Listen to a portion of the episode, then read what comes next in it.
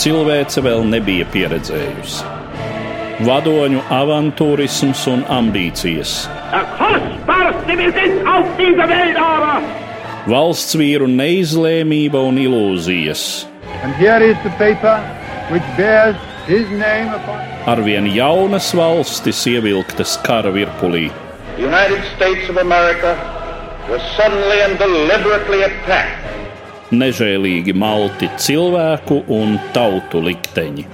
Lai dzīvo darba tautas draugs un ģeniālais vadonis biedrs Stalins! Otrais pasaules karš sarunās ar Eduardu Liniņu raidījumu ciklā Satumsums. Labdien, cienījamie klausītāji! 1945. gada 13. februāris ir datums, kas iezīmīgs Vācijas vēsturē ar vienu no Otrā pasaules kara noslēguma lielākajām traģēdijām, proti sabiedroto aviācija, sākot ar šo datumu, divas dienas bombardē Dresdenes pilsētu. Cilvēku upuri ir katrā ziņā desmitiem tūkstošu, skaitļi svārstās, un šī bombardēšana tiek uzskatīta par vienu no apšaubāmākajām darbībām, kuras ir veikuši Otrā pasaules kara uzvarētāji pret tobrīd faktiski jau sakauto Vāciju. Mans sarunbiedrs studijā vēsturnieks Kaspars Zellis. Labdien! Sveiki! Šodien mēs runāsim ne tik daudz par Dresdenes bombardēšanas faktoloģiskajiem aspektiem, par ko es apsolu runāt citā kontekstā, bet šodien vispār par to, kā ir veidojusies Vācijas likteņa uztvere un attieksme Vācu nācijā pret visu to situāciju, kādā Vācija nonāk Otrā pasaules kara beigās.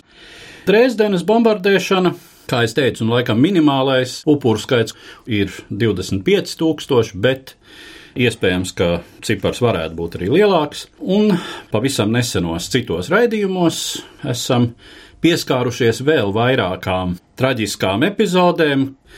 Mēs aplūkojām gan pasažieru lainerā Vilhelmu Gustlofu nogremdēšanu, gan sarkanās armijas izrīcību okupētajās Vācu teritorijās kara pēdējos mēnešos attiecībā pret Vācu civiliedzīvotājiem. Tas viss kopā veido diezgan šausminošu ainu, ko varētu raksturot ar formulu, kas, starp citu, arī ir lasīta kādu vēsturisku apcerējumu nosaukumos - posts uzvarētajiem. Kāda bija tā izjūta par notikušo, cik tālu tas vispār ir pētīts vāciešiem, tad, kad šie notikumi bija svaigi atmiņā, kad karš bija tikko beidzies? Lielā mērā šie notikumi uzreiz pēc kara tika nodota tādai zināmai aizmirstībai, jeb kā Grasa savulaik izteicās vienā intervijā, viņi tika tabuizēti. Tabuizācija faktiski ilga līdz apmēram 1995. gadam, kad Vācijas publiskajā telpā parādījās šis vācu ciešanu narratīvs un sāka par viņu runāt.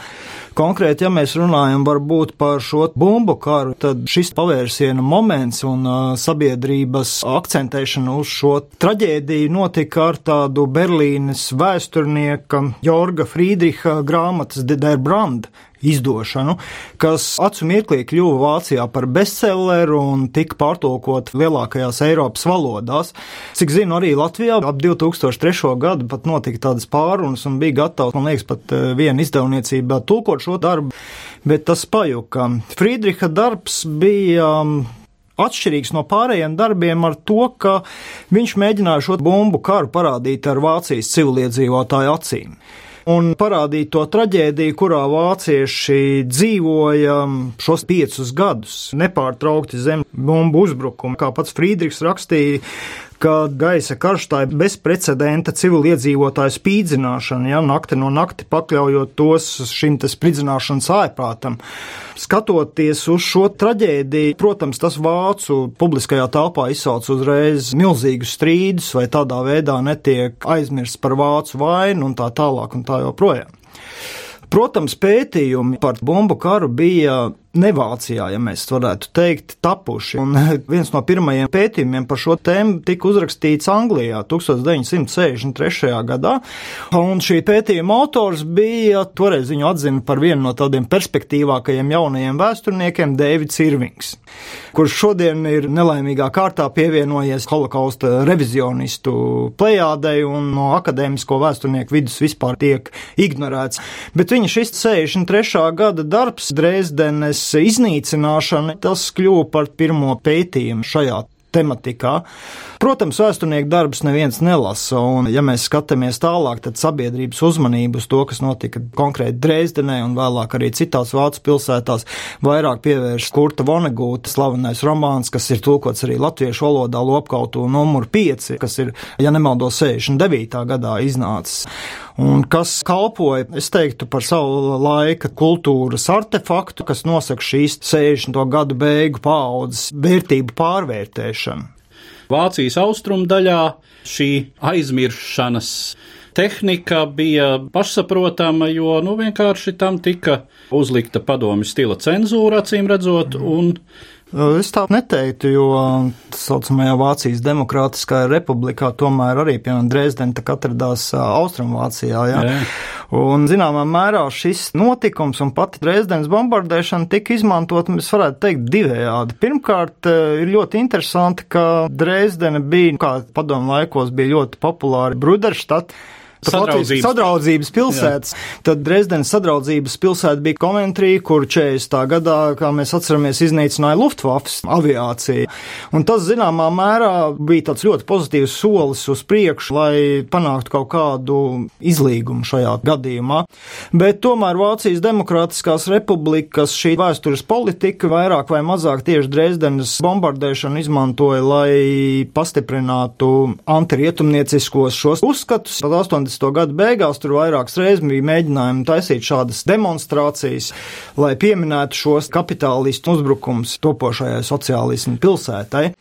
Šādā veidā pēdējā savā runā Vācijas prezidents, tagad 70. gadsimtu pieminot kopš Dresdenes bombardēšanas, viņš ļoti labi uzsvēra to, ka šī Dresdenes notikuma falsifikācija notikusi nepārtraukti gan nacistu laikā, palielinot šos cilvēku upurus, un nacisti tur saskaitīja līdz pat 200 tūkstošiem upurus. Tas ir Gebels ministrijas dotais skaitlis, pēc citiem tur apsvēriem pat eh, figurēja līdz pat pusmiljoniem upuru, un rezultātā īstenībā cilvēku upuri kaut kur pazuda. Vācijas Demokrātiskā republikā, tur atkal, ja nemaldos, bija tas skaitlis 135 tūkstoši, kas figurēja arī vēlāk starpkaru historiografijā, arī Irvings min šo skaitli. Bieži vien šī Dresdenes bombardēšana tādā veidā tiek instrumentalizēta, viņa tiek padarīta par uh, līdzekli kaut kāda politisko mērķu sasniegšanai. Gan tas ir skaidrs, ko gribēja ar to panākt nacisti, gan mēs tikko arī noskaidrojām, ko gribēja panākt ar to Vācijas Demokrātiskās republikas līderi, gan šobrīd, zināmā mērā, Vācu labējās partijas NDP, jeb otra partija, tas ir Alternatīva für Deutschland, ko vēlas ar šo notikumu, veidojot šos labējo maršus panākt. Starp citu, jautājums, vai šis Vācijas Demokrātiskajā republikā iedibinātais diskurss šobrīd neatzimst Krievijā? Par to, ka sliktie rietumnieki bombardēja Es neteiktu, ka viņš kaut kādā veidā atzīmta, jo šo bumbu karu ir ļoti daudz neskaidrs lietas.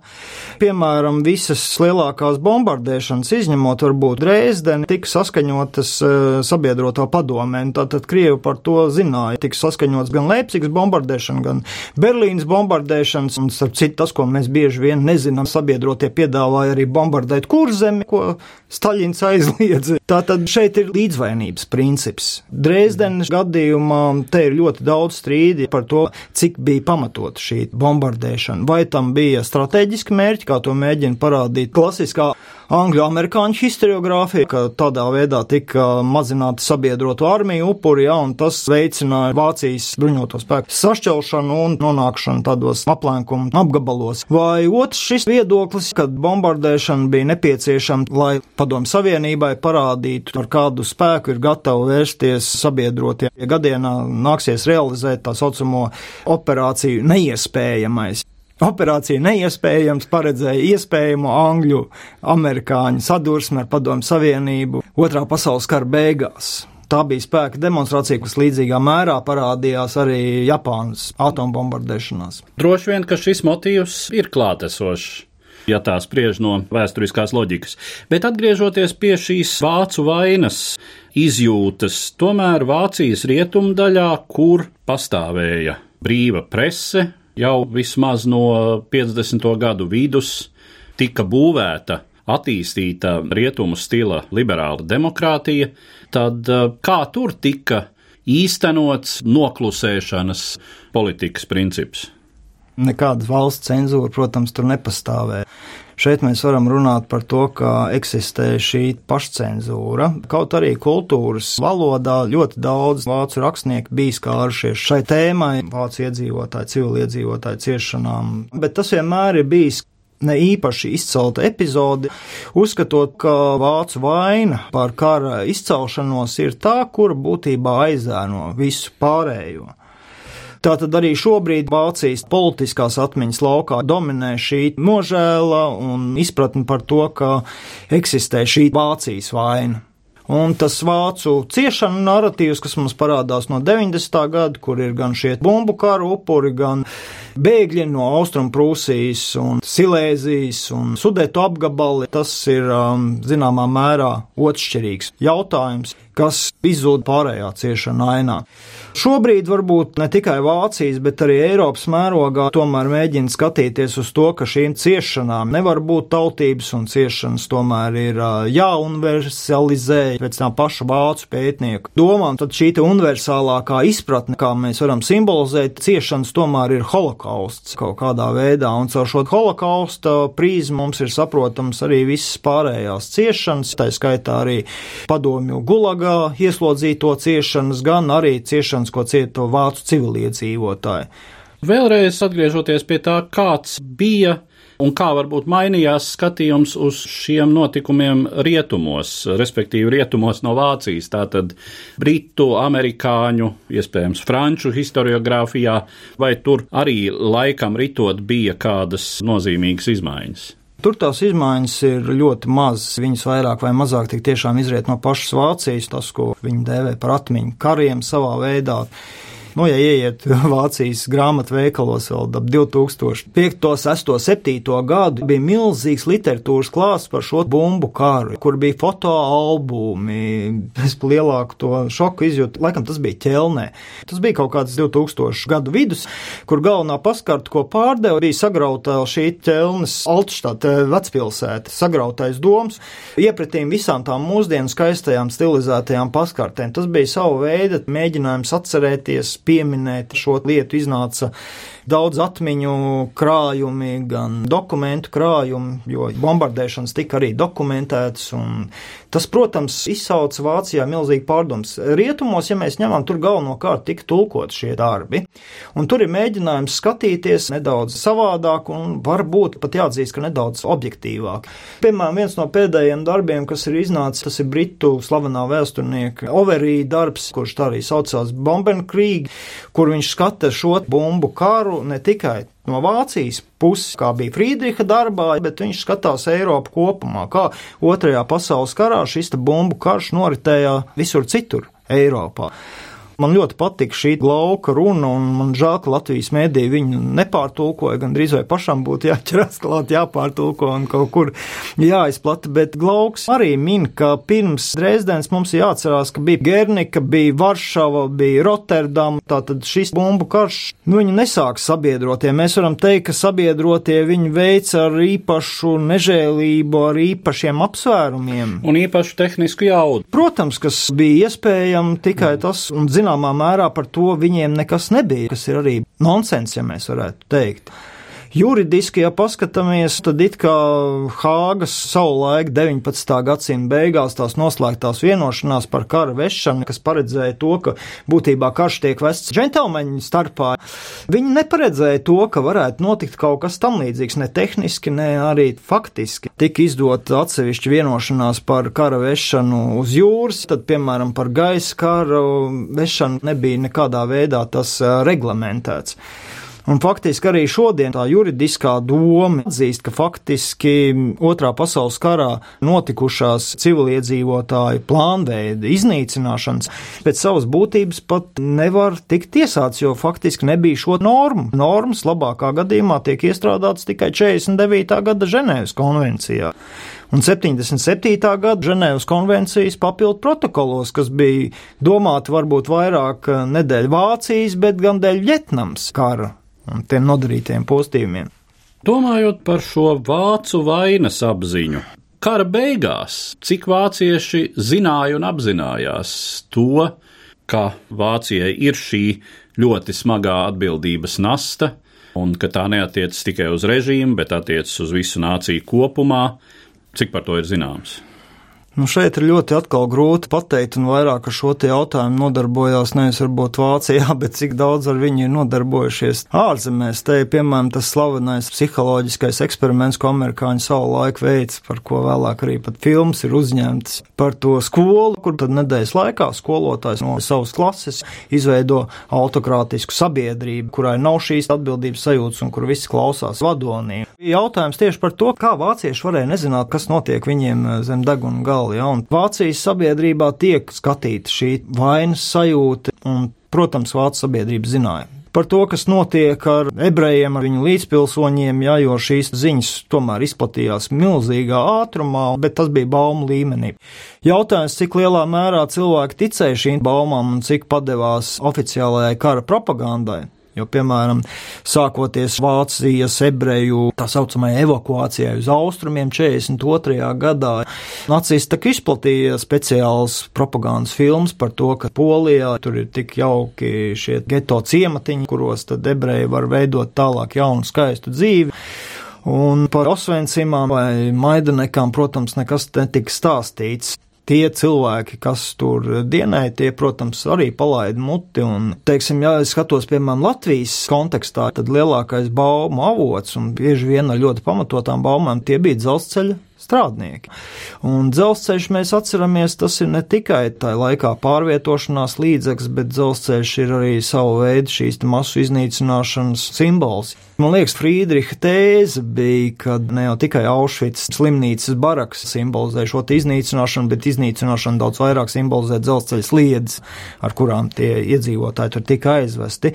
Un, protams, tie, kas veida, es domāju par eh, pašiem dzelzceļniekiem, tie ļoti labi zināja, un šīs baumas tika izplatītas, piemēram, ja skatās Latvijas teritoriju, tad eh, Latvijā visas ziņas par to, kas notika Austrumfrontē, par to, kas notika Rietuma Eiropā, bija zināmas tieši no šiem celtniekiem dzelzceļniekiem, kuri pārbrauc no saviem braucieniem un dalījās informācijā. Tā kā šī informācija bija, tas ir jautājums cits, vai to gribēja vai to negribēja zināt. Līdzīgā mērā mēs varam teikt par to, cik daudz latviešu zināja par holokaustu. Mums ir ļoti līdzīga tā situācija. Kaut vai nevis mums aizveda, ja un stāstīja, ka ir aizvests uz gandrīz vai sanatoriju, mums šāva acu priekšā, bet ļoti daudz uzcēla šo aizsargu barjeru ka mēs par to nezinājām, mēs par to tā tad nenesam atbildību. Tā ir tāda sava veida norobežošanās no šīs traģēdijas. Tieši tas pats bija arī Vācu gadījumā. Tātad šo izjūtu vai šo attieksmi, kas ir noklusēšana, nomaina nepārprotama vainas apziņa. Tad, kad es 90. gadu sākumā saskāros ar vāciešiem, arī ar latviešiem, trimdniekiem, kas bija dzīvojuši Vācijā, tad runājoties par to, nu kāda tad ir vācu izjūta, likās, ka šī vainas apziņa ir psiholoģiski ļoti apgrūtinoša. Likās, ka tas ir tāds smags komplekss, kas šiem cilvēkiem ir uzkrauts. Bet es domāju, ka daudziem joprojām šķiet, ka iestrādājot šādu vainas apziņu, nācijai izveidojas traumēts pašvērtējums tā vainas apziņa viņa tā īpaši netiek lietota. Un tas vairāk vai mazāk ir tāds vulgarizējums problēmai. Paši vācieši vairāk vai mazāk apzīmējot šo otrā pasaules karu, un ne tikai pārvērtējumu, viņi izmanto tādu ļoti dīvainu apzīmējumu par Gangenhaids bevaltigumu, ko latviski tā īsti pat nevar pārtulkot, tas varētu būt kā pagātnes pārdzīvošana, ja pagātnes pārvērtēšana. Viņi uzskata, ka Fergangenhaids bevaltigumu politikas pamatā ir tas, ka, lai mēs turpinātu dzīvot tālāk, mums mums ir vienkārši jānoslēdz visi rēķini ar pagātni. Un šo rēķinu slēgšana tik tiešām viņa balstās pirmkārt uz to, ka mēs apzināmies, kur mēs īsti esam vainīgi. Vainas apziņa zināmā mērā tālāk nes šo atbildību. Atbildību par to, ko mēs esam nodarījuši. Un Vācija to, kā viņi paši uzskata, ja viņi to ir darījuši, maksājot šīs kompensācijas gan cietušajiem ostarbaiteriem, gan iesauktajiem ārzemju karavīriem, gan cietušajiem ebrejiem un tā tālāk un tā joprojām. Šī pārvarēšana, kā viņi uzskata, viņus nepadara vājākus, viņus padara stiprākus. Stiprākus, kas neļauj ar viņiem vairs manipulēt. Un šobrīd tās skatījums, ko mēs it sevišķi redzam, varbūt no Grieķijas puses, kas vēlas izspiest no Vācijas vēl joprojām kompensācijas par vienu notikušu esesiešu noziegumu kara laikā, tad Vācijas atbilde bija tāda, ka viņi tur var mālēt Merkeli SD formā, jā, vai vēl kaut kā tam līdzīga, bet Vācija savus rēķinus ar pagātni ir noslēgusi, un tas uz viņiem vairs neatiecas. Tieši tas pats bija arī tāds, zināmā mērā, pavērsiens savu laiku arī ar Vācijas armiju, jā, jo, piemēram, Bundesvērs, kurš bija Kā mēs zinām, NATO sastāvdaļa visu laiku viņš nekad netika iesaistīts ārvalstu kaut kādās akcijās, jo nedodies kāds pamanīs līdzību ar Wehrmachtu, diez pasargu. 90. gadu vidus mēs redzam, ka tomēr šī mainījusies un tieši lielā mērā te kalpo par uh, iegānstu tas, ka vainas sajūta nomaina tik tiešām sajūta par to, ka atbildība par to izdarīto to pilnībā nosedz. Šī tikšana galā vai rēķinu noslēgšana ar pagātni. Kā tavuprāt, tas ir ar Latviju? Kur tūlīt jāsaka, protams, mūsu situācija radikāli atšķiras no jebkā, ko var teikt par Vāciju otrajā pasaules karā, bet eh, vai mums būtu par to jādomā tieši domājot par iespēju nepaļauties kādām potenciālām manipulācijām? Es domāju, ka visnotaļ, jā, un teiksim, Latvijas tā lielākā problēma, ka mēs ļoti cenšamies vēsturi instrumentalizēt gandrīz vai visos līmeņos. Atbildība zināmā mērā, es uzskatu, par to ir jārunā, un šī atbildības nasta diezgan nepatīkama saruna būtu valsts līmenī. Ņemsim to pašu, varbūt 16. martu, kas mums sagādā zobu sāpes entos gadus. Tas ir tipisks šis te vēstures instrumentalizācijas paraugs, tas ir tieši tāpat kā notiek Dresdenē. Šīs te izrādes, ko mēs redzam pie brīvības pieminekļa, kur savācās kreisie un savācās labējie, lai kaut ko tur parādītu, zināmā mērā tiek aizmirsts par pašu cilvēku piemiņu, kādai tā diena tikusi ieviesta. Un valsts šajā gadījumā izdara tādu ļoti smuku manevru viņi vienkārši uzgriež muguru, paziņojot, ka tas neatiecas uz viņu ministrs. Ja kāds aiziet, tad nedodies to sviež ārā no valdības uzreiz. Šajā gadījumā es gribētu teikt, ka tā ir pilnīgi bezatbildīga valsts politika. Valsts nepiedāvā neko vietā, un viņi faktiski nenes nekādu atbildību, jo par uh, tiem cilvēkiem, kas ir nonākuši. Vienalga, kuras armijas rindās. Mums bija valsts, kuru mēs cienījām, mīlējām līdz 40 gadam, un tad tā valsts pazuda. Mēs zinām, kā tā pazuda. Kā tā pazuda, jā. Bet protams, vai tas nozīmē, ka arī valsts pilsoņu kopums pazūd? Nu, ja mēs ņemam šodienas valsts oficiālo doktrīnu par valsts kontinuitāti, tad valsts vienmēr ir pastāvējusi, un ja viņi ir pastāvējuši, tad viņai jānes arī šī atbildība par viņas pilsoņiem, es domāju.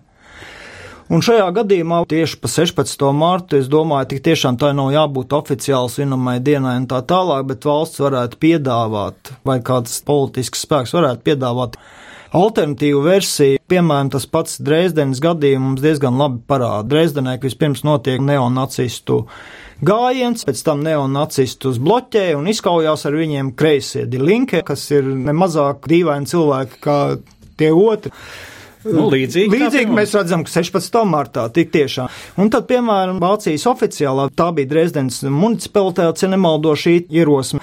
Tiem cilvēkiem, kas tik tiešām vēlas pieminēt, bija nolikt balto rožu akcija kā piemiņa kas sasaistās ar šo mums zināmo Baltās rozes grupu Minhenē, kas cīnījās pret nacistiem, gan arī tāds ļoti emocionāls notikums, kā viena prezidents bombardēšanā izdzīvojusi sieviete. Viņai viss, kas bija saglabājies, bija divi porcelāna šķīvi ar baltām rozēm, un tad vienu no šiem šķīviem viņa uzdāvināja Gernikas pilsētā, jā, un tādējādā veidā tad Baltā roza arī kļūst par Dresdens bombardēšanas upuru piemiņu.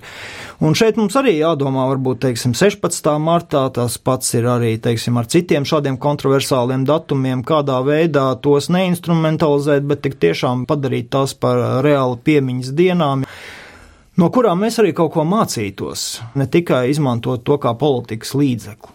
Varbūt būtu liederīgi mūsu klausītājiem formulēt, ko mēs saprotam ar vēstures instrumentalizēšanu. Zināmā mērā vēstures instrumentalizēšanu mēs saprotam šīs vēstures padarīšanu par politikas līdzekli, nodošanu to kā ieroci politiskās atmiņas kalpībā. Es domāju, tā frāze, ko tu teici, mācīties no šīs pieredzes. Tas fakts, ka Latvijas valstiskums tika iznīcināts, tas patiešām ļauj mums teikt, ka nu, Latvijai nav jājūtas atbildīgai pret jebkādu Latvijai ārēju cilvēku grupu, starptautiskiem principiem, kurus Latvija būtu pārkāpusi, bet eh, ka mums būtu tomēr jādomā par mūsu atbildību par to, ko viena Latvijas pilsoņu daļa, pirmām kārtām arāja komanda, bet mēs jau zinām, ka procesā bija iesaistīti ne tikai viņi, darīja ar otru Latvijas pilsoņu daļu - holokausta upuriem un visiem citiem nacistu režīmu upuriem. Un, protams, vēl interesantāk kļūst, ja mēs to saistām ar visu totalitāro okupācijas periodu un to, kas notika jau pēc otrā pasaules kara un tais. Atlikušajos 50 gados, kuru mēs arī pavadījām situācijā, kad viena daļa Latvijas pilsoņu bieži vien darīja šī režīma uzdevumā daudz ko ar citiem Latvijas pilsoņiem. Mums ir interesanti, ka mēs, piemēram, arī daudzas no šīm dienām varbūt, kas varētu kalpot gan kā atceres dienas, gan tās dienas, no kurām mēs tik tiešām reāli varētu kaut ko mācīties, mēs nepieminam, jā, un, piemēram, runājot, tā kā mēs šodien runājam arī par to bumbu karu, jā, tad mēs nepieminam tās bombardētās Latvijas pilsētas. Jo tā ir arī īpaša traģēdija, tā ir īpaša lapus Latvijas vēsturē. Un, lai kaut vai mēs atceramies, piemēram, 44. gada aprīlī Reizeknas brutālo padomu bombardēšanu, tas ir notikums, kuru, man liekas, mums arī vajadzētu pieminēt, atcerēties un kaut kādā veidā arī atzīmē, tas ir daļa no tām briesmām, ko Latvijas iedzīvotājiem nācās saskarties 1944. gadā. Noslēdzot mūsu sarunu, populāri vispārināts jautājums, skatoties uz to, kāda Vācija ir šobrīd, gan politiski, gan ekonomiski, tās starptautiskā pozīcija, vai mēs varam teikt, ka šai pagātnes otrais izdzīvošanai pārdomāšanai, pārstrādāšanai ir bijusi tomēr ļoti būtiska loma tajā, kāda Vācija šobrīd ir izveidojusies visos šajos aspektos. Nu, nu, teiksim, Vācijas veiksmes stāsts, tā vienkāršot sakot. Kaut kādus trīs gadus atpakaļ tāds Berlīnas politologs Herberts Minklers uzrakstīja brīnišķīgu grāmatu par vāciešiem un viņas mītiem, kur stāstīts tas, kas tad ir tie pamata komponenti, kas veido vāciešu atmiņu, ja, un tad tas veiksmes stāsts ir viens no tādiem būtiskākajiem Vācijas federatīvās republikas, toreiz sadalītās Vācijas rietumu daļas dibināšanas mītiem, kas pamatoja šīs valsts nepieciešamību. Šis veiksmes stāsts pēc viņa prāta ir pašlaik piedzīvojis krīzi ar to, kad Vācija ir apvienojusies, un pašlaik Austrumu Vācija netiek līdz šim veiksmes stāstam. Runājot par Vāciju, te viennozīmīgi jāsaka, ir, ka Vācija ir ļoti, ļoti dažāda, un uh, bieži vien mums varbūt ir tendence skatīt viņu kā tādu ļoti lielu kopumu, kur mums simbolizē kristīgie demokrāti pie varas. Vācu autorūpniecība. Vācijas autorūpniecība, jā, un ar to mums lielā mērā Frankfurta, jā, kā Eiropas Savienības finansu centrs, un ar to faktiski tas mūsu priekšstats par Vāciju lielā mērā pazūd. Tas ir ļoti žēl, jo Latvijai un Vācijai ir bijušas vēsturiski ļoti dziļas saiknes, un šobrīd Latvijā ir aizvien mazāk cilvēku, kas saprot vācu valodu un spēj komunicēt, lasīt. Kaut vai Vācijas tas dotais potenciāls intelektuālais ir uh, milzīgi liels priekš Eiropas. Bet nenoliedzami atbildīga vēstures politika ir sekmējusi Vācijas attīstību. Tas tiek uzsvērts gan bijušo Vācijas amatpersonu memoāros, gan citās lietās, jo tas faktiski palīdz atbrīvoties no šīs pagātnes nospiedošās paliekas. jeb garās ēnas, jo nesen vācu vēsturniecei Alēdai Asmanai iznāca grāmata tieši par Vācijas atmiņu politiku, kur tā arī saucās Die Lange Schatten, der Vergangenheit, vēstures garās ēnas. Un šīs ēnas netraucē. Ja mēs paskatāmies uz vienu citu mūsu kaimiņu valsti, kurai šīs ēnas ir nemazāk garas un kur nav nekādas atbildības, tad mēs varam vienkārši padomāt, cik daudz resursu, cik daudz uzmanības tiek veltīts, lai kā saka, skeleti nekristu ārā no mūsu kaimiņu valsts skapiem. Un tas nekādā veidā, protams, neveicina kultūras traumas pārvarēšanu un dzīvošanu nākotnē, nevis pagātnē. Un tas pats, es domāju, arī sakāms par mums, jo pagātne mums ir jāizmanto, lai mēs spētu virzīties nākotnē, nevis lai tā mūs vilktu atpakaļ uz pagātni. Ar tādu secinājumu es arī noslēdzu mūsu šodienas sarunu un saku paldies manam sarunbiedram, vēsturniekam Kasparam Zellim. Raidījumā šīs dienas acīm cikls Satumsums - sarunas par Otro pasaules karu.